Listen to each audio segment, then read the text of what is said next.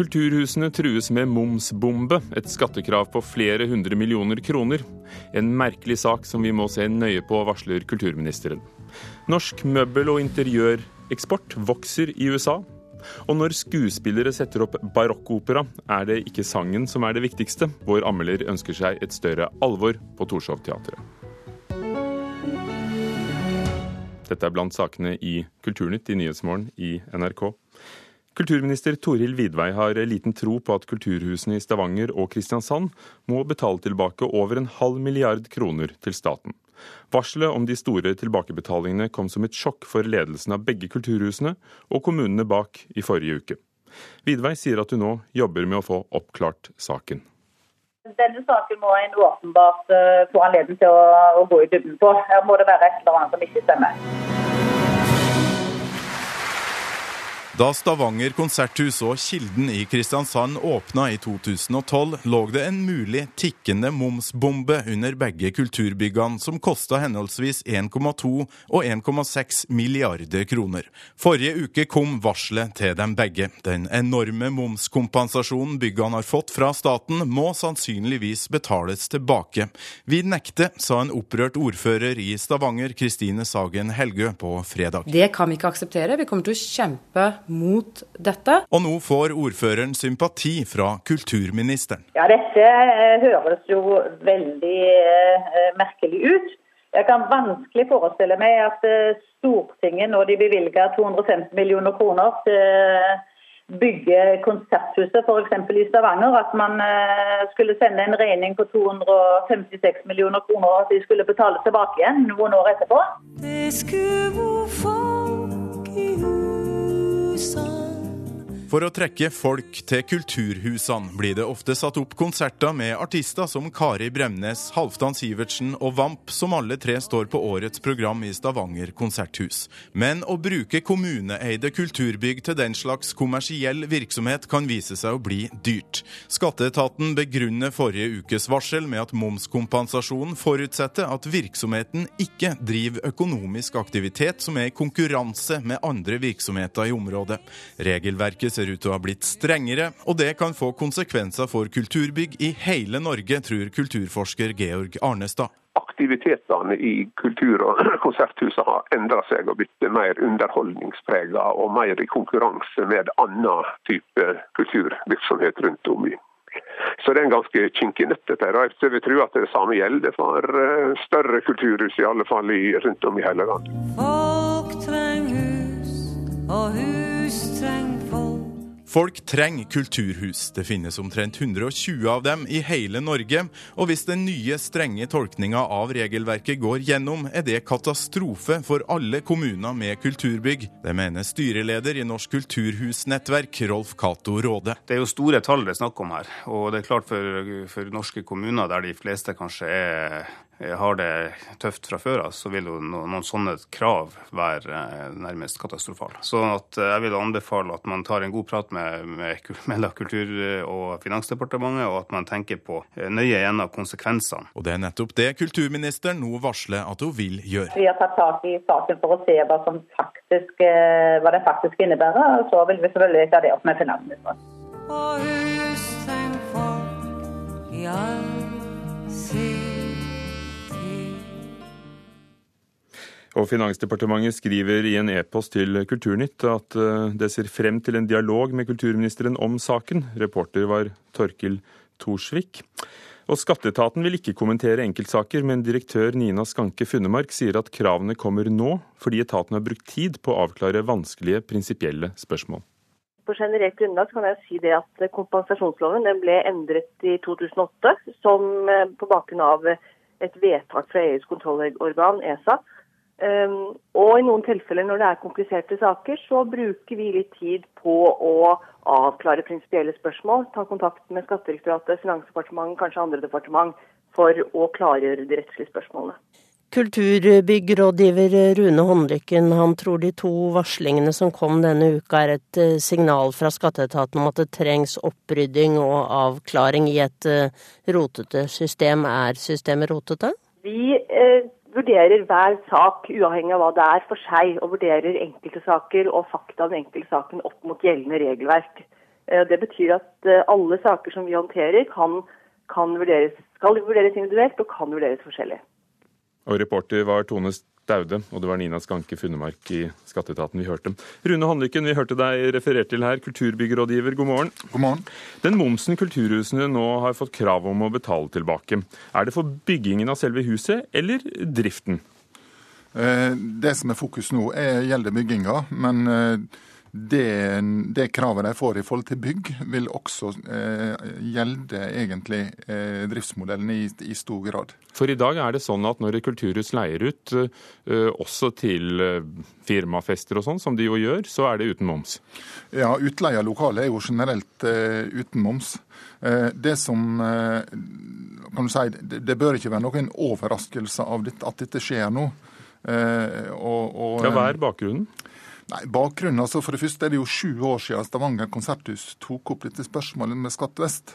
Så det er jo ikke uventa at noe skjer etter sju år. Eh, det som er rart, er jo at det fremdeles bare er et varsel om at oppgjøret for merverdigift på nybygget kan bli endra.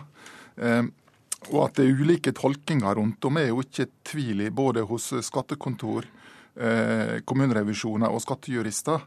Eh, det viser jo bare at f.eks. Agder Teater, som er regionteater for Aust-Agder og Vest-Agder, fikk full kompensasjon for sitt bygg, mens teatret vårt i Molde og Innlandsteatret på Hamar fikk null kompensasjon, selv om de driver med akkurat samme aktivitet og er finansiert på akkurat samme måte. Politikerne i Stavanger forutsatte at de skulle få momskompensasjon da de gikk inn for det nye konserthuset. Og Ordfører Kristine Sagen Helge sier til Stavanger Aftenblad at det er helt uaktuelt å betale. Eh, hva er det som har endret seg siden de begynte byggingen eh, på tidlig 2000-tall? Ja, vi nesten gå så langt som å si at det er skatteetatens tolking av eget regelverk. Der de har brukt eh, sju år etter lova kom på å lande på ei tolking som avviker ganske mye på det som er gjort før. Eh, og, eh, så jeg tror det er, og Derfor så mener jeg fortsatt det jeg sa på fredag, at dette først og fremst er et rop om avklaring. For en ser at, at, at praksis rundt om har vært for varierende. Når det har vært usikkerhet rundt eh, momsregelverket siden 2008, har kulturhusene gjort opp regning uten vert? Burde de ikke tatt høyde for at dette kravet kunne komme, siden det ikke var klart hvordan det skulle håndheves?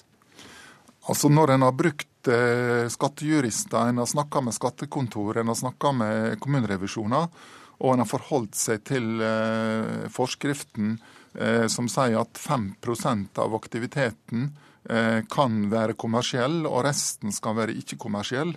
Eh, Dvs. Si eh, frivillige organisasjoner, statlig finansiert kultur, eller offentlig finansiert kulturvirksomhet. Så egentlig det som skjer nå, i den tilbakemeldinga som er gitt til Stavanger konserthus, så sier de faktisk at, at økonomisk aktivitet er å tilby varer og tjenester i et marked og at utstillinger, konferanser, teaterforestillinger, filmfestivaler, konserter anses for å være økonomisk aktivitet generelt. Og det er helt nytt. Det har skattemyndighetene aldri sagt før. Eh, og det er jo dette som, som gjør at dette endrer seg kolossalt. Blir det et politisk spørsmål til slutt? Det blir det helt klart. Og det er også viktig å være klar over at dette handler ikke bare om tre store konserthus. Det handler også om arenaer for lokalt kulturliv over hele landet. Mm. Og for lokalkulturen er det viktig at dette ikke blir en sak der idretten på nytt kommer ut med bedre ordninger enn øvrig lokalt kulturliv. Takk skal du ha, Rune Håndlegger, som er kulturbyggrådgiver. I can't stop, stop playing this song. It makes me high.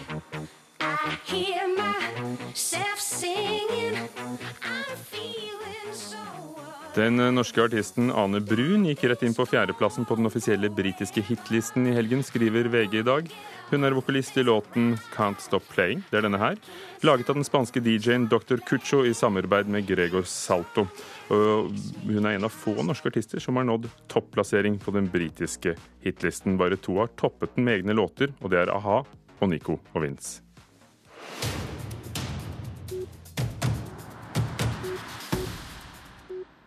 På ett år har eksporten av norske møbler og interiørvarer til det amerikanske markedet økt med over 20% Optimismen vokser i en bransje med lange tradisjoner i Norge, men som har slitt under etterdønningene av finanskrisen.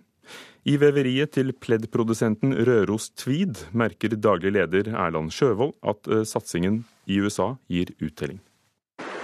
Så her har vi fire såkalte sjakard vevestoler som, eh, som går eh, hele tida og vever pledd. I fabrikklokalene til interiørbedrifter går vevstolene for fullt for å produsere det berømte Rørospleddet. Ja, her er det støysone. Her, eh, nå er det bare fire stoler som går. Gjennom hele produksjonen, fra sau via garn og til ferdig pledd, er dette et heilnorsk produkt. Viktig for oss å profilere her som et 100% norsk produkt, og det er det etterspørsel etter USA. De vil gjerne ha skandinavisk norsk, og ikke det som er laga i eh, Østen. Bedriften er en av de som merker at norske møbler og interiørprodukt blir mer og mer populære i utlandet. Best går det i USA, der eksporten går opp med over 20 og til sammen eksporterer interiørbedriftene nå for nesten 6 milliarder kroner over hele verden. Kjærkommet, sier bransjesjef for møbel og interiør i Norsk Industri, Egil Sunde. Det betyr veldig mye, for vi har jo hatt en del tunge år etter finanskrisen. Og det at vi nå har en sånn eh, kraftig vekst i et av de viktigste eksportmarkedene, det vil være med å trekke opp verdiskapingen og kanskje også sysselsettingen i, i industrien her hjemme. For nettopp sysselsettinga har gått jevnt nedover de siste åra. Produksjonen er blitt mer maskinbasert eller flytta til lågkostland. I tiåra etter andre verdenskrigen var situasjonen en annen. Da var det bare i Møre og Romsdal over 150 møbelprodusenter. Så skjedde dette. Norge er i ferd med å bli en oljestat. Midt i Nordsjøen har man gjort det mest lovende funnet til nå, ekofisk. Snart 50 år etter tror Egil Sunde at møbel og interiør er noe av det vi igjen skal leve av, etter oljen. I Norge kommer vi til å leve av oljen i mange år. Eh, men jeg tror at ferdigvareindustrier som møbel og interiør er, eh, kommer til å få en veldig hyggelig utvikling i årene fremover. Jeg sa vel en gang det at det å drive møbelproduksjon i Norge er en ekstremsport, og det står jeg vel på fortsatt. Norge har, mangler en god del forutsetninger for å være virkelig toppen, og da tenker jeg spesielt på dette med kostnadsnivå og lønnsnivå. Det sier Rolf Petter Storvik Amdam, som er professor ved BI og har fulgt den norske møbelindustrien nøye. Han roser møbelprodusentene som har klart seg, men mener at vi i Norge i mindre grad enn i nabolandene har vært flinke til å ta vare på designarven fra etterkrigstida. Bare tenk på det faktum at SAS-hotellet i København ble vel bygd ca. 1960 og Arne Jacobsen kreerte eh, interiøret for dette hotellet, og dermed ble stående som en levende kontinuitet fra en gullalderdesign. Den eh, den brua der har nok Norge i mindre grad klart å ivareta. Men i 2015 er det framtidstru som preger bransjen, også hos Røros Tweed. Og bare dersom en lykkes med eksporten, kan bedriften vokse, tror daglig leder Erland Sjøvold. Vi eh, har jo per i dag en eksportandel på ca. 20% og den har jo vi eh, ambisjoner om å øke til 50% Men vi ser at hvis vi skal vokse og, og nå de volumene som vi ønsker, så kan ikke det skje i Norge. Da må vi til utlandet. Og Da er det USA et av de markedene som vi ser er størst potensial, og som vi har satsa mest på nå. da sa Erland Sjøvold ved Røros Tvid til reporter Lars Ivar Nordahl. Einar Kleppe Holte, gründer og så bl.a. bak møbel- og designkafeen Fuglen, nettopp kom tilbake fra verdens viktigste møteplass for møbelbransjen, messen i Milano. Eh, hvordan var den norske tilstedeværelsen i år? Den var veldig bra. Eh, vi hadde fått til et eh, veldig godt samarbeidsprosjekt sammen med Norwegian Craft eh, og Norwegian Designers Union, eller klubben på norsk, sammen med oss i Norwegian Icons. Lagde vi en utstilling som rett og slett heter Norwegian Presence, der vi tok over et fabrikklokale i Ventura Lambrate, en av sidedistriktene til Salone i Milano, og stilte ut nesten 50 objekter både innenfor kunsthåndverk og design, prototyper og produksjon. Og gammel, eller nyprodusert produksjon fra, fra norsk designhistorie på 250 kvadratmeter. Veldig spennende. Du nevnte Norwegian Icons. Du er en av gründerne også blant utstillingen Konseptet Norwegian Icons, som har vist frem møbelklassikere i Norge fra Tokyo til New York. Og når vi hørte en i reportasjen si at det er ekstremsport å drive møbelproduksjon i Norge, hvordan vil du si det ser ut i dag? Jeg tror jeg vil si meg enig. Det er et høykostland. Det er vanskelig å nå ut til markedet, og vi har et eh, kan man si, eh, historisk eh, blitt forbigått av danskene, svenskene og finnene innenfor vår designkategori, som er den skandinaviske designkategorien, som er veldig sterk i Norge. Men hvorfor det? Fordi de er også høykostland? Ja, men de har eh, ivaretatt det som er kanskje bindeleddet mellom den skapende designkraften og markedet, eh, produksjonsenhetene. Eh, som det ble nevnt i, eh, i reportasjen, så var jo kom, Vi fant jo olje, som selvfølgelig var en eh, stor eh, glede på slutten av 60-tallet, 70-tallet, når vi fant den. og og, og det tok òg alt fokus. Så designeksport, møbeleksport innenfor spesielt høykvalitetsmarkedene, det var noen sterke kan man si, industriproduksjoner, Ekornes, andre som overlevde, men, men den høykvalitetsproduksjonen eh, den ivaretagelsen av eh, de eh, høykvalitetsproduktene innenfor design, sånn som tilsvarende Syvernstolen til Arne Jacobsen i Danmark, som har vært en veldig ikon da, for den danske møbeleksporten og møbeldesignindustrien, eh, de ble ikke ivaretatt på samme nivå. Den eh, falt eh, ut, og det samme gjorde jo det interne markedet når vi ble nyrike og skulle ha internasjonal design i husene våre. Hvilken respons har dere fått på Norwegian Icons når dere har vært rundt i verden med norske møbelklassikere i sjangeren Scandinavian design? Den har vært overveldende. Vi kan egentlig ikke si noe annet. Og på den første utstillingen vi gjorde, som var i Oslo, så var jo responsen helt enorm, og folk var overraska over at ting var norsk. Dette prosjektet kom i stand mye fordi vi gjennom Fuglen jobba med mid-century. Eh, Peppe i Fuglen var en slags spesialist på norsk eh, mid-century design, altså skandinavisk mid-century design. For Fuglen er altså ikke bare en cocktailbar og kafé, men også et sted hvor man kan kjøpe brukte, originale møbler. Originale brukte vintage-møbler, ja. Og det, det, er jo for samlermarkedet. Det er litt mer nisje. Um, og det var gjennom dette arbeidet, og spesielt når vi åpna Japan, uh, der vi så i vintagebutikken at uh, Fredrik Kaiser sine stoler sto, så sto det Scandinavian Design, probably Danish, designer unknown. Det var jo viktig, et viktig element, at vi hadde lyst til å formidle noe. Og så fikk vi en katalog av en venn fra Philips Debris i London der, uh, med en designauksjonutstilling. 300 sider. Important Nordic Design.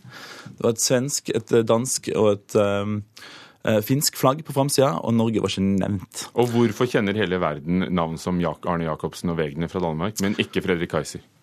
Nei, det er fordi at uh, de har fått lov å bli i markedet gjennom produksjonen som har blitt ivaretatt i det landet. Det har fått lov å bli ikonisert. Det har fått lov å bli et topprodukt. Hva skal til for at møbeleksporten som vokser i USA nå, som vi hørte om, skal fortsette å vokse og lages i Norge? Det, Da et mye tettere samarbeid mellom de norske designerne, skaperne, de norske produsentene, og de som kan ta dem til markedet. Det er veldig gledelig å høre at det vokser i USA. Vi hadde stor glede av å være der i, i fjor vår med tre store utstillinger. Hvor vi fikk enorm respons fra alt fra New York Times, Wall Street Journal, alle sammen. Norsk design er ønska. Takk skal du ha, Einar Kleppe Holte, en av gründerne bak eh, Norwegian Icons og Fuglen. Klokken er allerede passert ti på halv ni. Du hører på Kulturnytt, en del av Nyhetsmorgen, hvor hovedsakene der er at overlevende etter båttragedien i Middelhavet sier det var nesten 1000 mennesker om bord. Norske jøder skal kunne føle seg trygge i eget land, skriver landets partileder i Aftenposten i dag. Og syv av ti pensjonister bruker nettbank, og det er en økning i forhold til i fjor.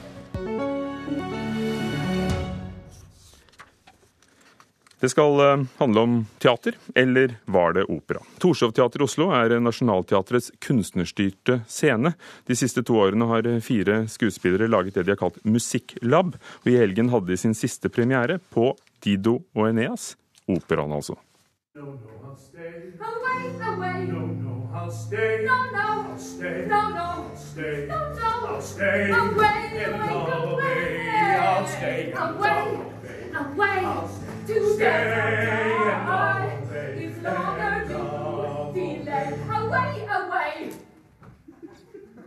Karen Frøsland Nystøl, teaterkritiker i NRK. Dette var Henry Purcells musikk, eh, i hvert fall i bunnen. Eh, hvordan gikk det når de satte opp på Torshov Teatret? Det var jo artig og morsomt og gøy å se denne forestillinga. Det er jo ingen hemmelighet at disse skuespillerne ikke er operautdanna, derfor er det interessant å se hva godt skuespill kan gjøre med en så dramatisk handling og dramatisk opera som Dido og Eneas er.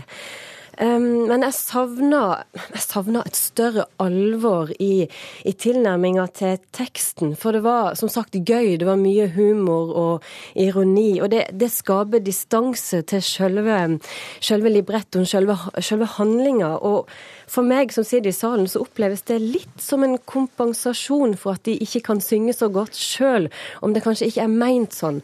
Så jeg tror det hadde vært ærligere mot prosjektet deres om de bare hadde gått inn i dette med et større alvor enn det det er i denne morsomme forestillinga som de har laga. Så de kjenner altså sine begrensninger. De er ikke sangere, men hva gjør de i stedet?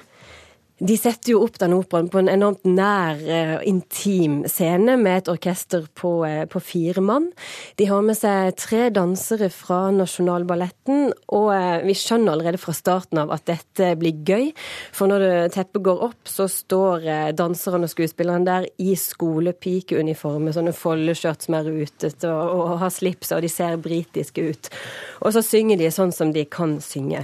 Um, og dette morsomme grepet utvikler de videre. Det er en skoleforestilling hele veien, og det bygger for så vidt også på oppføringstradisjonen. Danserne kommer inn som fire stykk amor og, og, og, og skyter piler med røde roser. Det er sånne store fakta, store ting som opera òg er.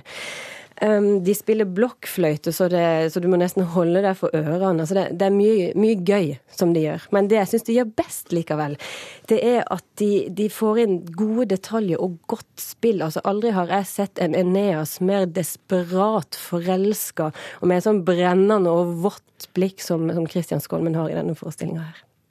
Og dette var siste forestillingen til Musikklab-gjengen, som har mm. styrt dette lille Torshov-teatret, som ligger litt utafor eh, sentrum i Oslo.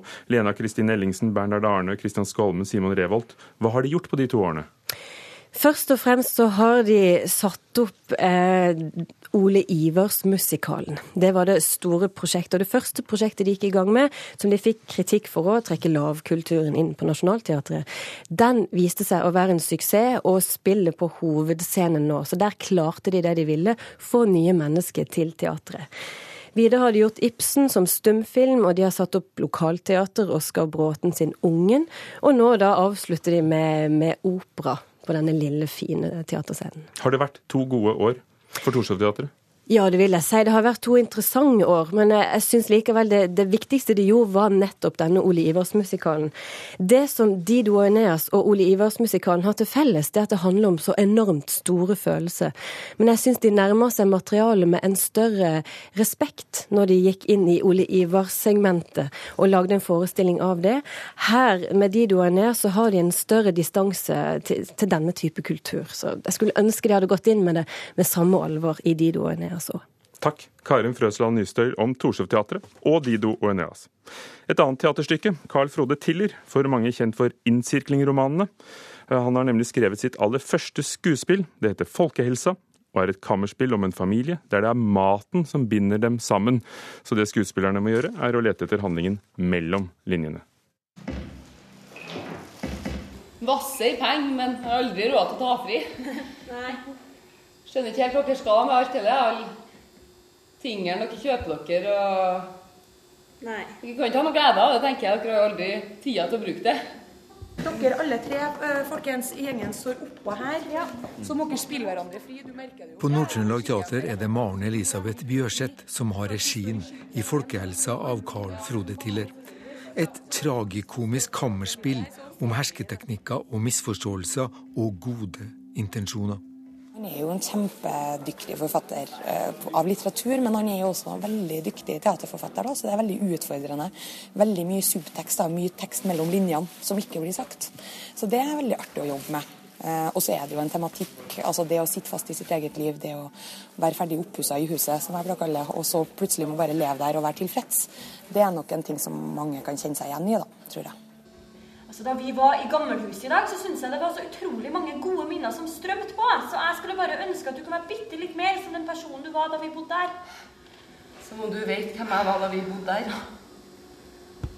Som om du vet noen ting som helst om hvordan jeg hadde det den gangen. Carl Totiller er jo den beste jeg vet av på å skrive om mellommenneskelig kommunikasjon og hvordan vi prøver å snakke med hverandre, men ikke helt får det til. Men ånden i stykket, hvem er vi, hvem er, hvor kommer vi fra? Summen av alt det der som skal vi prøve å være et menneske. Det er vanskelig i et Norge der vi har alle muligheter, men hva står vi igjen med da, når vi kan gjøre hva som helst? Og da plutselig så kan det bli litt sånn tomt og vanskelig å navigere. Ingenting å navigere etter. Og det kan jeg kjenne meg igjen i. Sier skuespiller Julie Mo Sandø. Ja, nei, men hvis du har noe mer å si, så er det bare å komme med det. Så har jeg klart for meg hva jeg bør jobbe med, da, vet du. Jøss, så deilig å høre at du kan være frekk. Kan ikke du slutte? Men du skulle vært frekk litt oftere, du. Gjennom spesielle virkemidler dere bruker for å komme mellom linjene? Ja, det er, godt, det er godt poeng. Altså, vi beveger oss jo litt sånn inn i hodet til Silje, kan man vel si. Det. Så det er mye musikk og lys og scene, ja, ting på scenen selvfølgelig. Vi lager en liten fantasiverden, en liten drømmeverden.